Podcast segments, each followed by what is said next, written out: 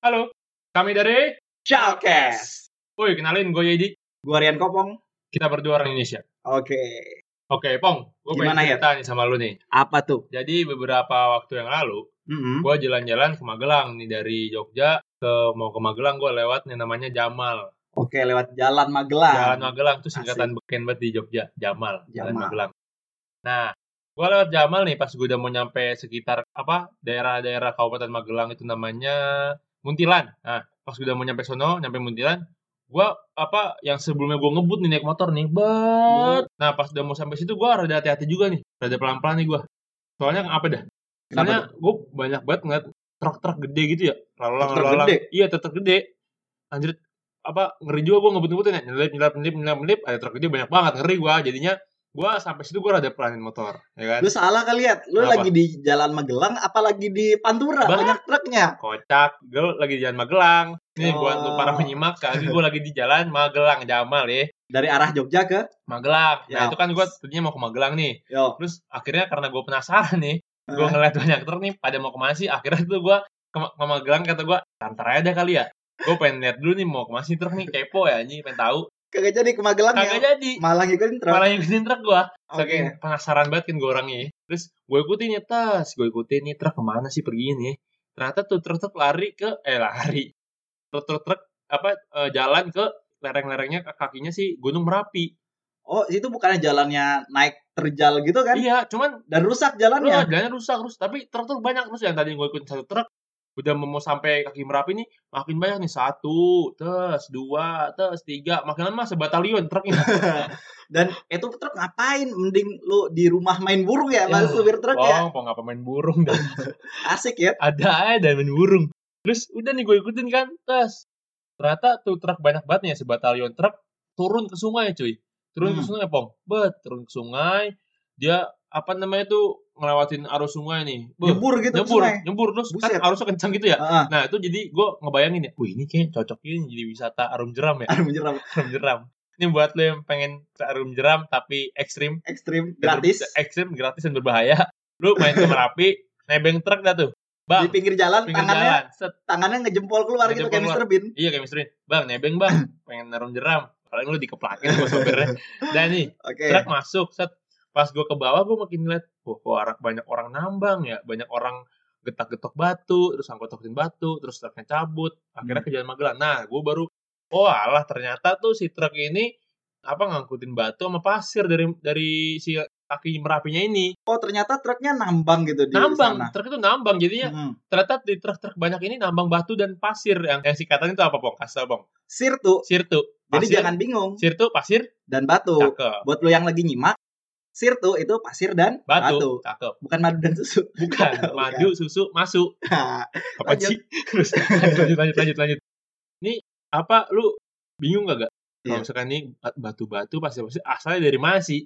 Iya, Ya kan? secara lu lagi di gunung gitu. Dari mana Dari batunya? mana? Eh dari gunung lah. Dari gunung, Eh, dari- bener dari- banget. Dari gunung Merapi itu batu. Ya kan? Ternyata itu hasil dari apa yang selalu kita lihat tiap hari dan itu indah banget mau pagi mau sore, yaitu hasil dari erupsi gunung Merapi. Ah, oke. Ini buat yang pada nyimak, tadi kan Kopong bilang erupsi gunung Merapi ya. Iya. Nih kita kayak gua sama Kopong mau ngasih tau kalau yang pada lagi nyimak, erupsi itu apaan sih? Ya Nah, kan? iya. Erupsi itu adalah kayak eh, semua material tuh yang dari gunung api, gunung api aktif di Indonesia terutama ya, Iya. itu tuh keluar dari dari dari dalam gunung yang gede banget, keluar ke permukaan bumi, ke tempat Hmm. lu pada tinggal, lu orang pada tinggal tuh keluar tuh material tuh. Artinya dari dalam perut bumi ke luar. Keluar di Nah, itu Keluar, namanya keluar. Erupsi. eruption. Erupsi atau Inggrisnya yang kerennya apa, Pong? eruption. Cakep. Mantap. Nah, eruption. Nah, terus si erupsi ini juga eh macam-macam dah tipenya. Eh bisa yang dar sekali meledak gede gitu, Ya. atau bisa juga yang cerut. Nah, Nah, apa tuh? Ah, itu Ah, lah. gitulah. Eh, cair-cair gimana Cair-cair gitu. kental itu ada yang dar, ada yang kena. Yang kalau yang gede gitu yang dahsyat gitu loh, terusan itu dinamakan explosive eruption atau erupsi eksplosif. Oh, mungkin dari kata explode, explode meledak gitu Ah, kan. Jadi, nah itu juga Ah. eh, yang kedua yang Efusif. agak yang cerut. Nah, itu Nah, erupsi efusif atau efusif eruption. Nah, Eruption, kedua-duanya ini si erupsi efusif atau si erupsi apa tadi namanya itu eksplosif hmm. itu tuh dia itu sama-sama dipengaruhi sama tekanannya, Pong. Tekanan gasnya. Tekanan gasnya dan juga kekentalan dari magmanya Heeh, tadi. yang dikeluarkan si magmanya. Kalau tekanannya tinggi, dia kan semakin keluar semakin duar, semakin gede Iya. kan. Balik lagi kalau tekanannya rendah, itu dia jadi efusi melelehkan. Nah, itu se- sedikit secerca Ah. informasi tentang erupsi lah. Dan gampangnya kalau misalnya lava eh sorry, magmanya itu kental, lu misalnya punya lubang terus lu keluar lu paksa keluar magma. Kalau dia kental kan susah ya keluar dan sekalinya keluar dor gitu, Bentar, pecah lubangnya. Mohon maaf nih, Pak, sebelum Apa Pak, saya mau nanya, Pak. Ya. Lubang lubang apa nih? Lubang botol. Oh, lubang ah, botol. Ah, saya lu centang foto. ah, saya lu caci aduh. Ay. Oke, oke, oke. Balik, balik, balik, balik. eh, kalau lu punya cairan yang cair gitu, yang nggak kental, gampang aja kan keluar. Makanya dia bisa efusi atau eksplosi. Nah, itu analoginya kopong tuh emang wah Juara. banget, emang wah banget dah. Oke, Oke, lanjut tadi kan. Abis itu apa si sirtus segala macam ini kan gue lihat banyak truk segala macam terus erupsi. Nah, gue pengen tahu nih. Eh, pasti nih yang lu pada nyimak, gue yakin lu uh, kurang terlalu aware, Familiar. aware atau Ah. familiar lah dengan yang namanya gunung api, terutama di Merapi. Asal lu tahu aja nih yang lu lagi pada nyimak, Gunung Merapi itu apa ya? Salah satu gunung aktif di Indonesia maupun di dunia. ya salah satu yang paling aktif di Ah, dunia, men. Jadi, jadi lu Hmm. orang pada harusnya kudu bangga jadi warga Indonesia karena lu tuh punya yang namanya Merapi. Merapi, bener banget. Jadi eh, Merapi itu kasih tau dah info-info tentang Merapi, Bang.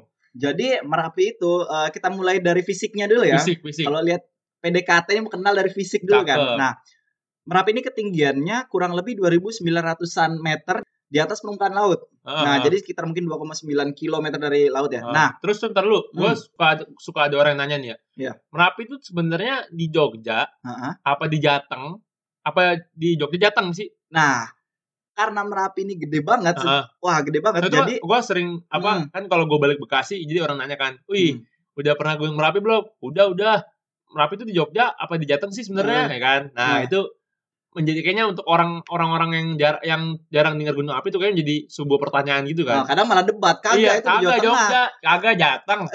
Buset batu banget dah. Jadi sebenarnya Merapi itu terletak di perbatasan empat eh, kecamatan eh sorry empat Kabupaten yang Ah, berbeda. ah, ah. Yang pertama di daerah Jogja itu berada di Kabupaten Sleman. Sleman, betul. Dan di Jawa Tengahnya berbatasan dengan Kabupaten Klaten, Ah, Kabupaten Boyolali, ah, ah.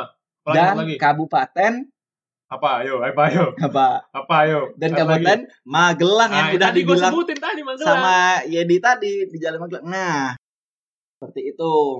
itu ya kalau informasi keasaran si Merapi ini. Terus juga kan lihat Merapi ini gede kan ya. Semua Hmm. gunung lah gede. Itu tuh bukan bukan sekedar tiba-tiba jadi gunung gitu ya. Iya. Tiba-tiba jadi segede gitu. Itu ada tahap-tahapan proses yang lama banget dah. Ada prosesnya. Ada prosesnya. Dan Merapi ini itu prosesnya tuh dari mulai dia terbentuk dari mulai dia pokoknya dari awal kebentuknya itu tuh sekitar 700 ribu tahun yang lalu. coy. 700 ribu tahun yang lalu Iya. gila udah lama banget ya Lama dan banget. setidaknya Merapi itu memiliki empat periode ya apa tuh? Ada periode pra Merapi Heeh, ada Merapi tua heeh. Merapi muda dan yang terakhir Merapi baru Nah, atau itu Merapi recent Dari pra, pra Merapi itu dia dari 700 ribu, ribu tahun, yang lalu ya. parah Ayo tua tua banget. Tapi kan gue bingungnya apa dah? Hmm. Eh, jadi si Merapi kan dari 700 ribu tahun yang lalu nih ya. Iya. Cuman gue pernah baca sejarah letusannya itu dari abad 17 atau pas zaman Belanda ke sini dah 1700-an. Nah itu Iya. kan dari 700 ribu ke Ah, abad 17 kan jauh banget ya. jauh banget Nah itu kenapa dah bisa bisa apa namanya itu bisa baru tercatatnya selama baru abad 17 gitu. nah Menurut lu jadi, gimana? jadi kenapa kita bisa tahu umur si Merapi atau umur batuan lah itu sampai 700 ribu tahun yang lalu itu karena dari penelitian yang salah satunya namanya itu radio dating. Jadi Oh, itu dating. dating itu jadi kita menentukan umur berdasarkan peluruhan unsur radioaktif yang dikandung oleh batuan tersebut. Oh, oh. Lu tau kan unsur radioaktif misalnya eh, uranium dan lain-lain.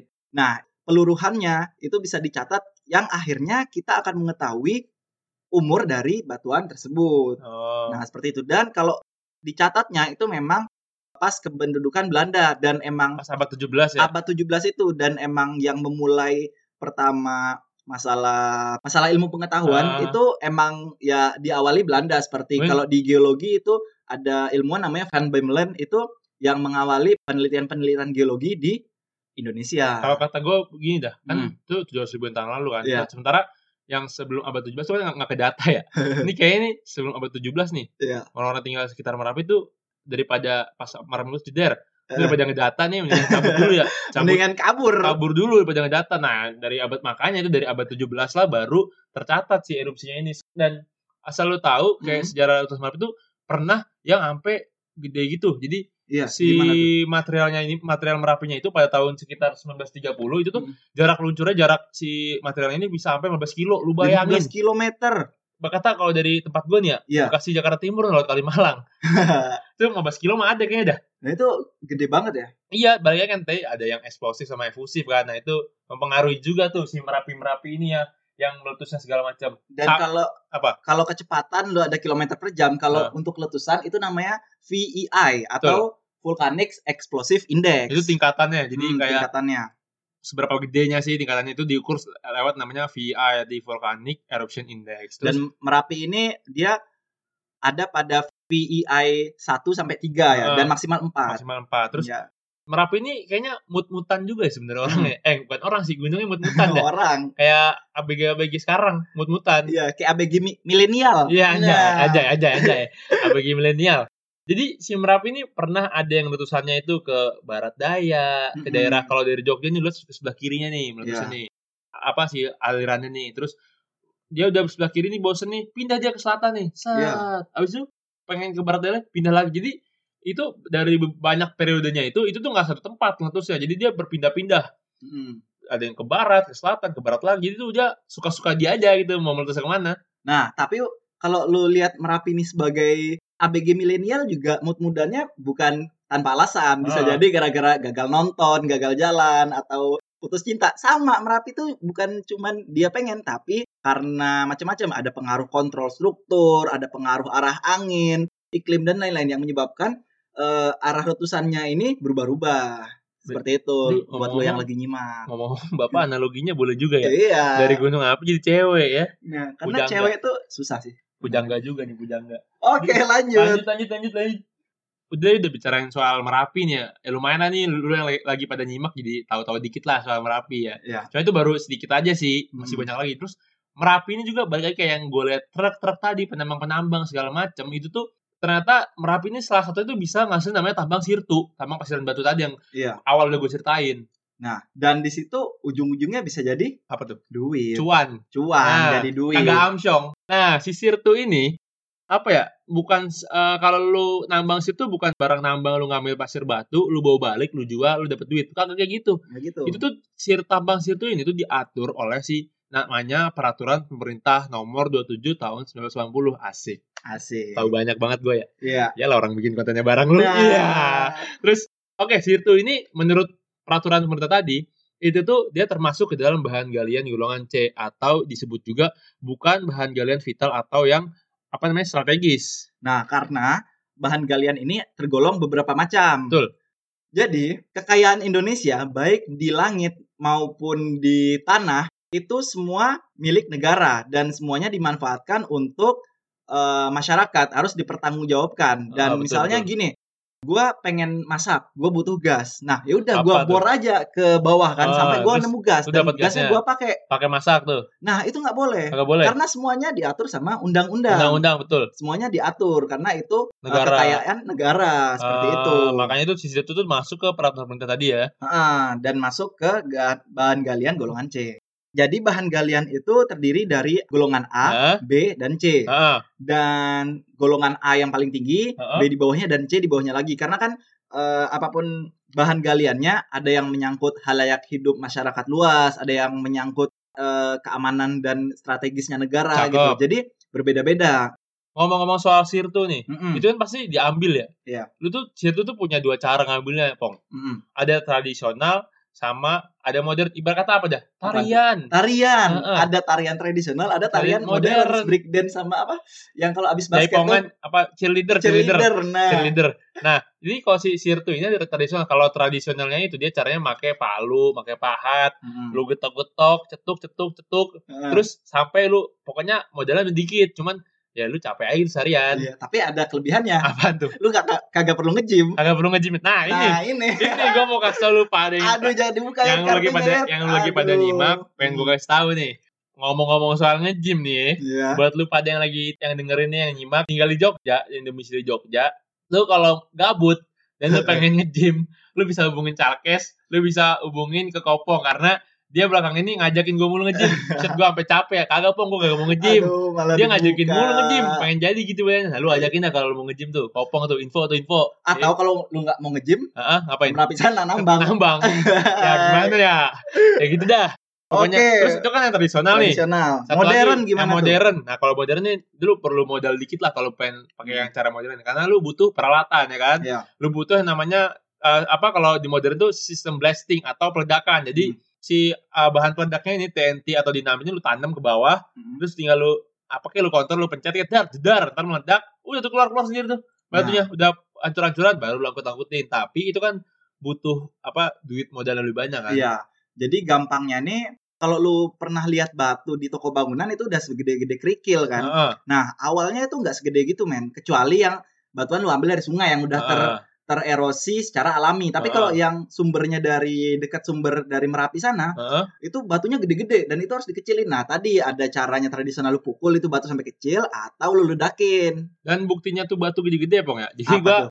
yang kemarin pas gua main itu tuh gua ngeliat si batu yang buset Hmm. kan main dah gedenya gede banget Iya. itu tuh kalau lu cibat tuh dari sungai tuh lu balik juga lu bawa lu bikin kos-kosan dah Iya ya. gede banget gede Kagak bisa dibawa tapi Iya sih, gede berat. banget. kan Nah. gue bilang analogi aja kita ibarat kata Iya. terus si sirtu tambang-tambang sirtunya juga punya ba- banyak banget dampak positifnya pong Ya maupun dampak negatif dampak juga. itu juga ada sih cuman Hmm. dampak positifnya juga lumayan banyak apa aja tuh? salah satunya nih ada lu jadi kalau punya tambang sirtu nih lu membuka lapangan pekerjaan Iya. gila lu buka lapangan pekerjaan terus lu ningkatin pendapatan warga sekitar Nah, bayangin dari mulai supir truknya, dari mulai orang yang nambangnya, dan sampai lu buka tambang tuh seperti yang kita bilang tadi nggak main-main kan? ah, ah. Itu perlu manajemen yang yang baik, yang bagus supaya eh, usaha lu dapat bertahan. ya Dan biar itu biar cuan butuh butuh orang dan itu pekerjaan lagi. kerja lagi terus juga si tambang sirtunya dimanfaatkan biasanya tuh buat infrastruktur buat Mm-mm. rekonstruksi bangunan buat Iya. jembatan, bikin rumah, jadi pondasi segala macam. Tapi di samping itu juga ini tuh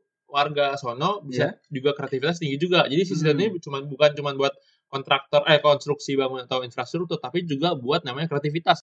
Mereka bikin patung-patung kayak candi gitu. Oh. Jadi kalau lu pernah main ke rumah kerabat lu yang orang suka banget etnik-etnik Jawa klasik itu, terus Iya. nemuin kayak patung-patung, itu tuh dibuatnya dari salah satu dari batuan yang hasil merapi tadi gitu. Hmm, Nah, gitu. itu kan beberapa sih dampak positifnya ya. Jadi warga ini bisa ker- kerja keras atau kerja cerdas juga ya, Ah, kreatif. betul, kreatif. Terus dampak negatifnya tuh apa aja sih?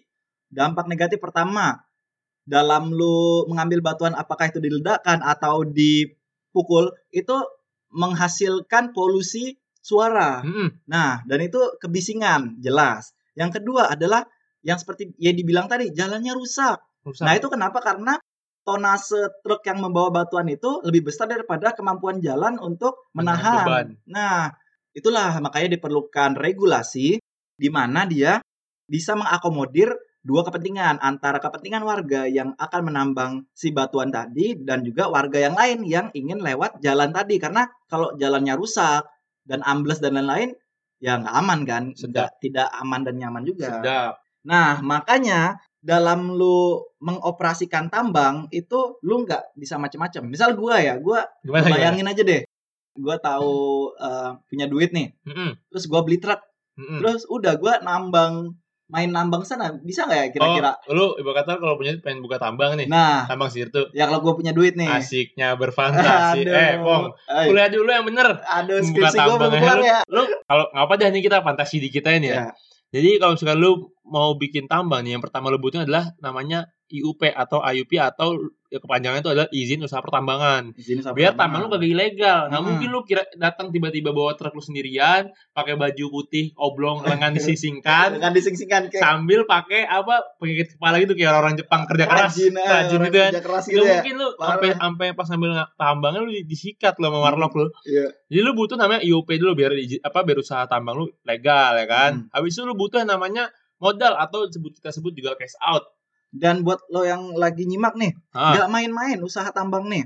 Untuk lokasi tambang sekitar 10 hektar aja, lu tuh butuh duit 2 sampai 3 M bahkan Gelo. lebih. gelo. Nah, belum lagi untuk operasional seperti biaya truk, truk pasti butuh solar, butuh Ah, duit. pekerja Untuk apakah lu beli truk atau lu nyewa, truk ah, bener-bener. dan juga untuk pekerjanya. Itu duit semua, men. Betul, betul. Tapi, Tapi kalau lu usaha ada modal, ada keuntungan juga. ada keuntungan, Nah, bener. Bukan keuntungan sih, pendapatan lah. Pendapat cash in, cash in. Cash in, cash in. Tapi Tadi itu cash out, sekarang cash in. tapi itu. Apa? Kalau lu kalau kena tipu, nah, tipu hilang duitnya. hilang udah tuh. Ah, udah nih cash innya apa dah? Pengen tahu nih gua nih. Nah, untuk penjualan pasirnya aja dalam satu tahun lu bisa menghasilkan kurang lebih 600 jutaan 600 jutaan pasir doang tuh. pasir doang dan untuk batu atau kerikilnya lah Heeh. itu sekitar 1,2 m Jadi berkata per lu tahun ya per tahun ini per tahun. Jadi berkata lu kalau punya tambang sirtu nih, Hmm. lu ng- orang modal banyak, satu dua tahun tuh bakal balik modal lu ya? iya bisa Bisa.